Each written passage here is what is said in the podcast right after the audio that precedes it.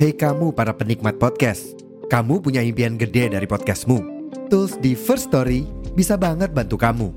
Mulai dari F-Link, Dynamic Audio Insertion, sampai statistik yang komprehensif, semua ada di First Story.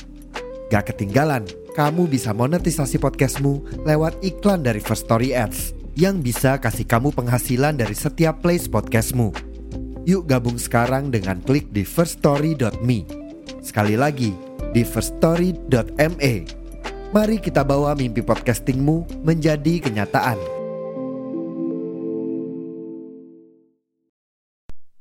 Kayaknya udah lama ya belum review atau nggak bikin episode yang review film.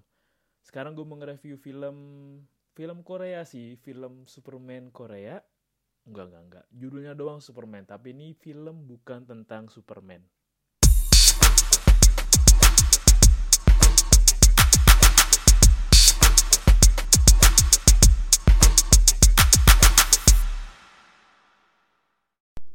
Judulnya aja sih yang Superman.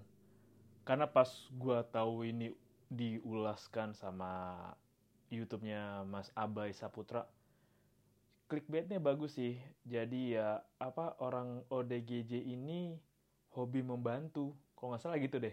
Nanti lo bisa cek aja reviewnya di YouTube-nya Mas Abai Saputra. Iya kalau dengar Superman, apalagi film Korea, nggak relate sih. Gue nggak kebayang Superman dari Korea gitu. Mungkin ada, cuman nggak kebayang aja kalau di Korea. Mungkin terkenalnya Batman, atau superhero lain kayak hmm, anggota X-Men ah gue nggak tahu tapi tuh film ini gue udah nonton tadi filmnya bagus banget bagus sih uh, ada irisan yang dekat sama gue nggak dekat secara ilmu yang pernah gue pelajaran sih ilmu soal psikologi jadi sederhananya itu ini film nyeritain ada orang yang hobinya bantu orang lain di jalanan.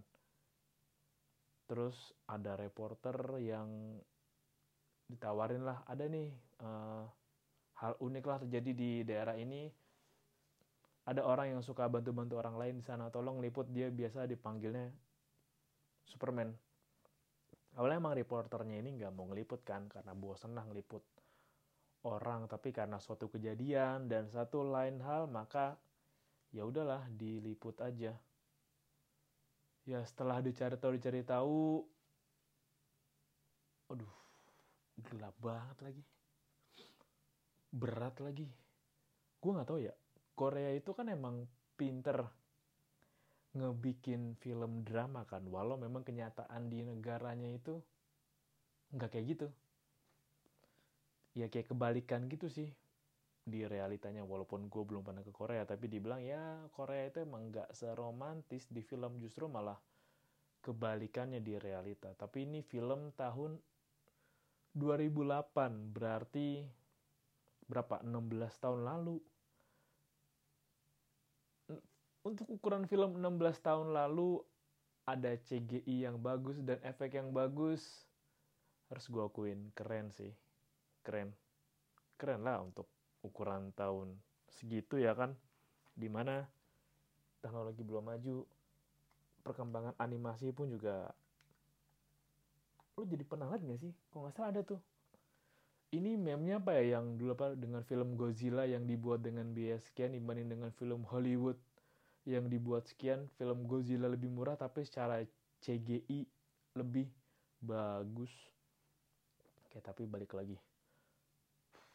Berat banget jadi udah gelabat lagi sejarahnya. Jadi si Superman itu ternyata orang yang kena gangguan jiwa karena dia mengalami trauma setelah melihat istri dan anaknya meninggal di depan matanya. Dia kecelakaan mobil waktu lagi bersama istri dan anaknya. Terus pas dia mau nolongin epilepsi dia kambuh, tergeletak di jalan, orang sekelilingnya cuma ngeliatin, ya udah dia dia aduh anjir, sedih lagi. Ya dia ngeliat di depan matanya anjing maksud gue iya iya iya sih gue yakin kalau ngelihat depan mata kepala itu bakal bikin trauma. Yakin gue berat banget. Gue jadi inget gitu. Ini pendapat gue ya lo boleh debat kok dan gue coba bisa ngasih argumen yang logis. Dalam beberapa hal ada manusia yang diberikan ujian melebihi batas atau daya tampung yang bisa dia terima. Kalau lu bilang, kan secara agama kan manusia diberikan ujian sesuai kapasitasnya. Ya tapi kita, menurut gue ya secara logika, lu kalau belum pernah ngeliat case di mana orang ngalamin sesuatu sampai bikin dia bener-bener mentalnya hancur, atau lu belum pernah ngalamin langsung, kata-kata gue akan sulit diterima secara logika. Karena ya gue tahu ada orang yang ngalamin kayak gitu sampai beban mental yang gak kuat dan jujur gue jadi inget gitu ini berita lama sih gue nggak tahu perasaan anaknya sekarang gimana ya. Gue yang ngeliat aduh jadi lo kalau ngeliat berita nih ada mobil mobilnya itu ketibanan truk pengangkut pasir mobilnya penyok keluarga yang di dalam meninggal semua kecuali anak kecilnya. Gue gak kebayang itu hancurnya kayak apa perasaannya deh. Kayak dia berkendara sama orang tua, sama ibu, bapak, atau sama kakaknya dan tantenya. Meninggal di tempat dan hanya dia yang selamat. Gue gak tahu tuh. Gue di posisi anak itu gue gak, gua gak kuat jujur. Gak kuat, gak bisa gitu kayak ini di luar kapasitas gue nih. Di luar. Ada yang memang dipaksa sesuai kapasitasnya ada yang memang nggak kuat aja. Makanya kayak tergolong trauma dan oleng gitu. Kalau lu bilang ya secara agama kan emang bisa uh, sesuai eh, manusia diberikan ujian sesuai kapasitasnya lah. Tapi gue pernah bahas di episode yang lalu kan. Kayak oke okay lah kalau misalnya ada orang yang patah hati sampai meninggal, berarti dia diberikan ujian melebihi kapasitasnya dong, kalau menurut gue. Karena, mengapa gue bilang sesuai kapasitasnya? Karena neuron-neuron yang ada di kepalanya itu sudah terjalin dengan kuat, ikatannya dengan kuat, dan dicabut paksa sehingga mengakibatkan ya rusak.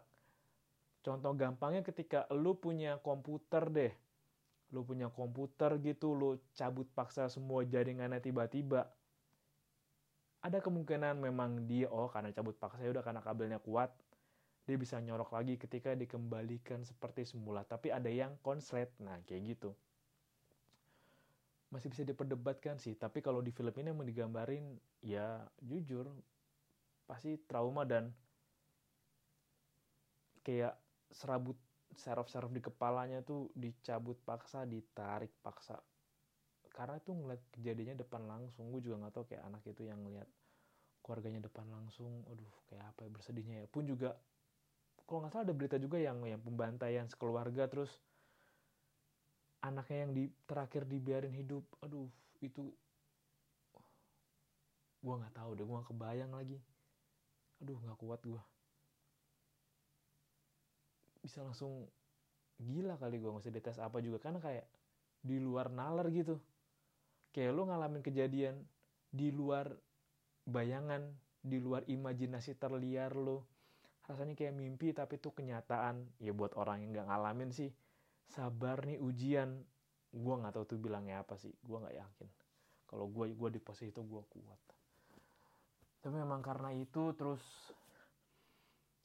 karena trauma ngeliat itu depan kepalanya dan ada peluru tertancap di kepalanya, maka reaksinya adalah dia trauma itu narik mundur dirinya ke belakang jadi dia seolah-olah adalah Superman seperti kejadian tahun 1980 jadi kan filmnya dibuat tahun 2007 kan? Dibuat kayak tahun 1980 ketika dia umur 8 tahun itu juga gelap banget. Bapaknya pamit keluar karena mungkin ada bentrokan di sana ya. Terus bapaknya cuma bilang nak kamu harus bertahan ya. Kamu kuat. Kamu adalah seorang superman. Terus bapaknya keluar dan gak balik-balik lagi. Anaknya berusaha nyusulin keluar mau tahu keadaan bapaknya dan anaknya tertembak. Ada peluru nancap di kepalanya. Mungkin juga susah dikeluarin. Makanya seumur hidup si anak harus epilepsi. Nggak harus tapi kayak ya mau mengidap epilepsi karena itu uh berat banget coy berat. Gue jadi inget gitu di tiktok gue gue follow akun Great Human. Ini akan gue bahas. Jadi memang lu itu gue juga terutama nggak akan tahu gitu jalan hidup seseorang. Lu nggak akan tahu apa yang orang itu pernah alamin. Makanya ada pepatah kan ya cobalah lu be nice to everyone because you never know what battle they fight for. Lu nggak pernah tahu pertarungan apa yang dia pernah lewatin. Lu gak, lu juga nggak pernah tahu gitu dia lagi ngerasain struggle apa dan mungkin bagi lu nggak struggle bagi mereka juga struggle menurut gue juga ini film bagus buat ditonton karena lu jadi tahu gitu. Lu mandang orang lain kalau gue gue mandang orang lain itu semakin oke okay, I see. Kalau memang ya dia punya alasan kayak di depan gue ada orang yang kayak gitu ya ya gue nggak kesel atau marah. Memang kan di kedokteran tuh gue pernah bahas gitu kalau udah nemuin orang kayak gitu lu mesti sadarin bahwa lu bukan Superman. Misalnya lu bukan Superman lu sakit lu bukan Superman. Lu waham atau halu atau delusi lu mesti sadarin. Ya memang sih kalau emang itu lu mesti dibantah terus biar dia kembali ke realitanya. Tapi ketika kembali ke realita hadapin dengan trauma itu lagi dan di film itu digambarin cara dia atau cara pengobatan untuk menghadapi trauma traumanya adalah dengan minum obat. Obat yang menekan rasa sakitnya dan menekan ingatannya itu biar nggak muncul. Apakah itu realita yang bagus? Entahlah bukan kapasitas gue gue pendidikan gue belum memadai untuk mengatakan itu. Gue nggak tahu juga apakah itu baik atau buruk. Bahwa ya ketika emang udah ngalamin berat kayak gue yakin juga kayak misalkan jadi anak yang ngelihat gitu keluarganya di depan matanya udah tergeletak udah nggak bernyawa tentu bakal traumatik dan ya pengobatannya di regresi gitu ingatan-ingatan yang muncul diredam ke dalam diredam ke dalam biar nggak keluar biar nggak nyerang gitu biar nggak tiba-tiba histeris biar nggak tiba-tiba teriak. Karena jujur di psikologi tuh lu nggak bisa nahan ingetan apa yang akan muncul atau bisa muncul di kepala lu. Kayak misalkan gue lagi bikin episode kayak gini ya tiba-tiba aja gue bisa keinget adegan Tom and Jerry atau tiba-tiba kelintas adegan dulu waktu gue ngisengin guru gue di sekolah.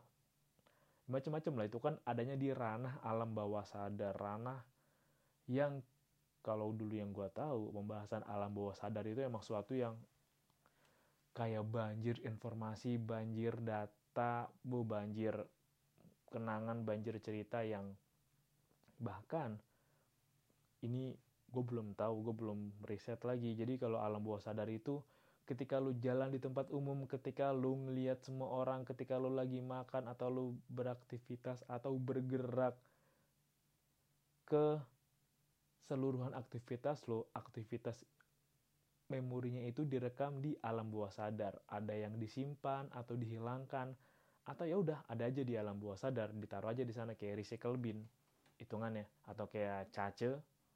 Kalau di bahasa IT dan gue nggak tahu gue nggak kebayang gitu. Kayak untuk ngadepin trauma mesti minum obat pereda ya rasa sakit.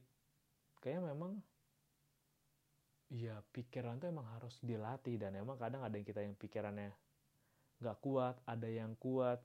Makanya kalau mau lompat dikit ada kan uh, cal caleg yang kena gangguan jiwa karena kaget kok suaranya segini? Kok nggak ada yang dukung gue udah keluar banyak nih tapi kok kenapa yang dukung gue cuma segini ya?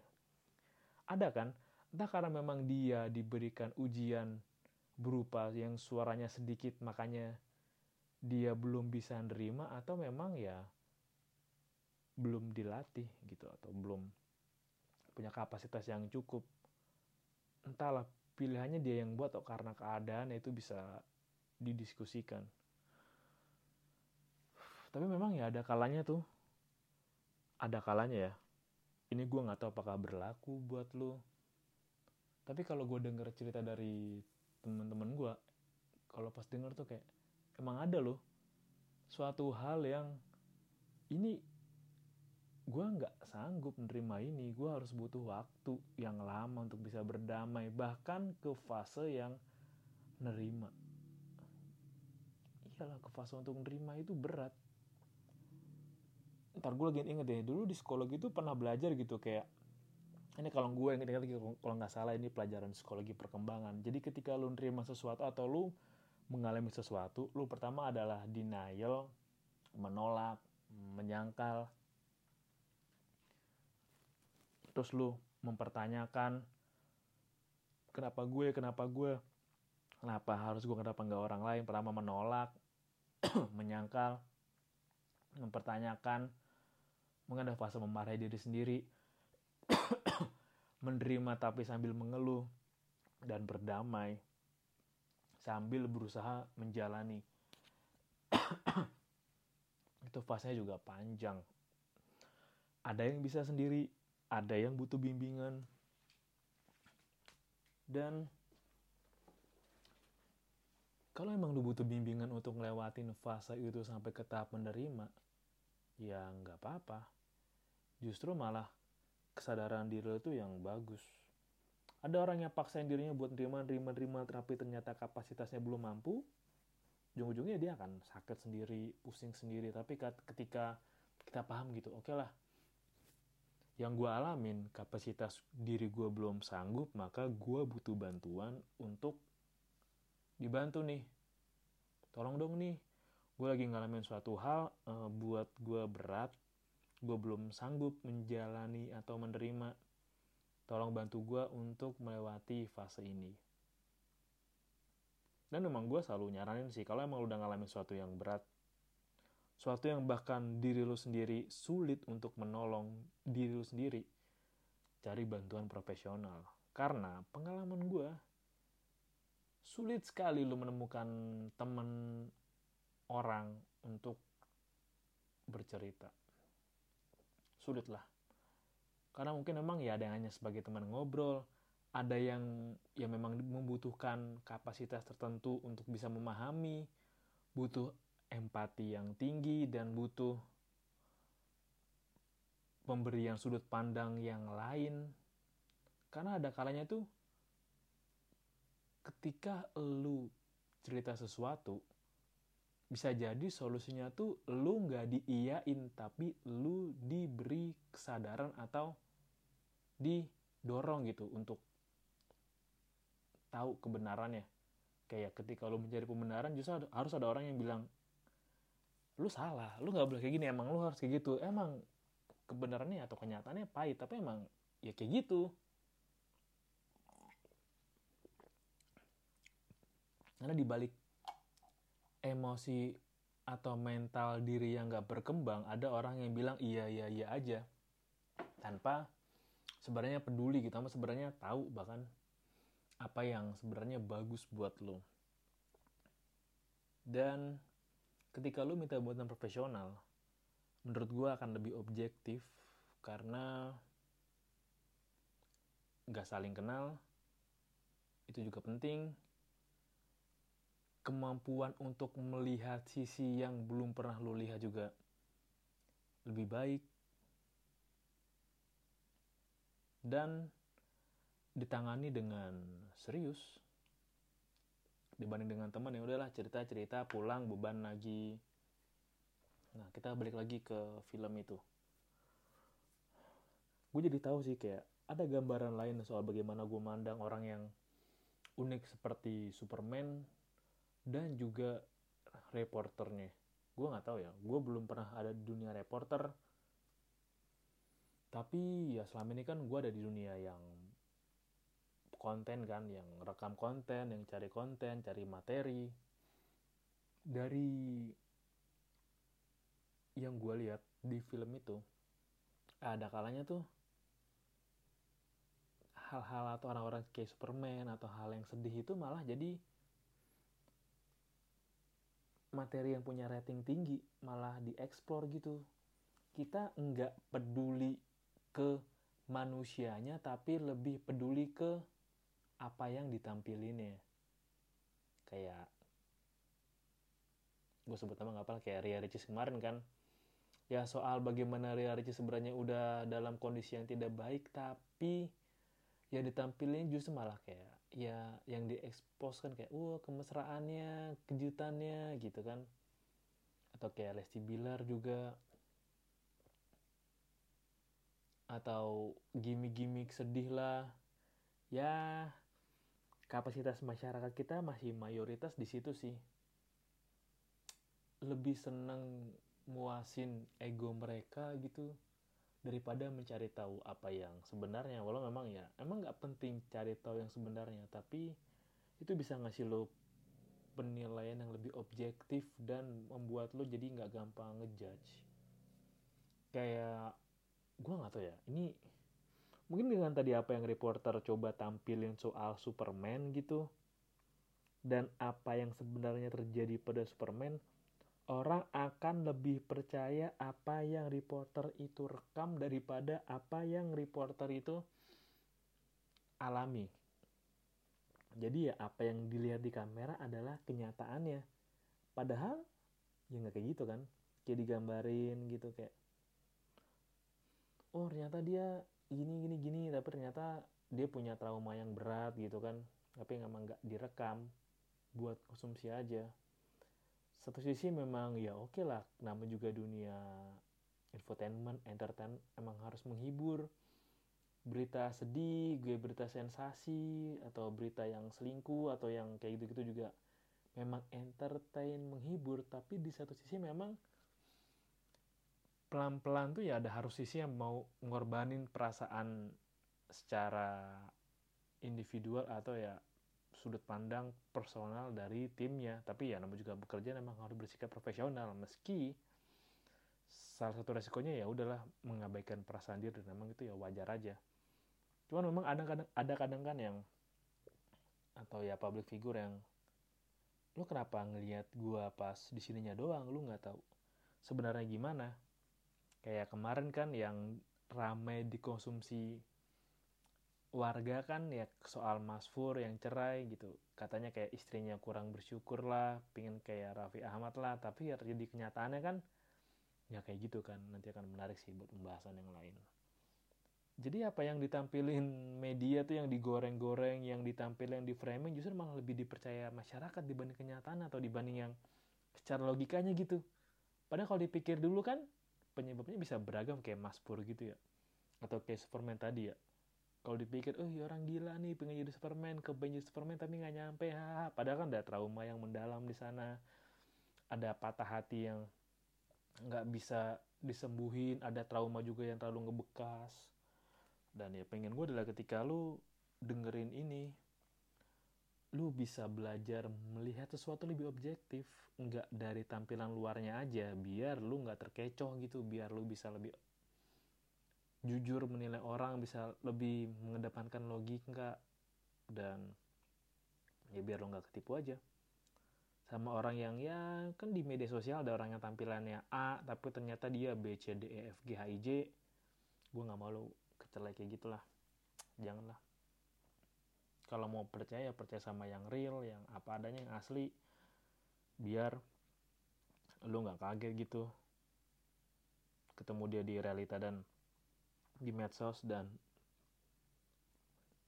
ya biar lu lebih dekat dengan orang lu kagumin kalau emang dia tuh real lu milih mencoba jadi temannya dia dan gua rasa orang yang real di media sosial maupun realita juga lebih enak buat ngobrol sih jadi nggak ada kesenjangan kalau lu mau interaksi atau mau meet up atau mau main bareng Terima kasih udah dengerin episode kali ini. Sampai jumpa di episode berikutnya.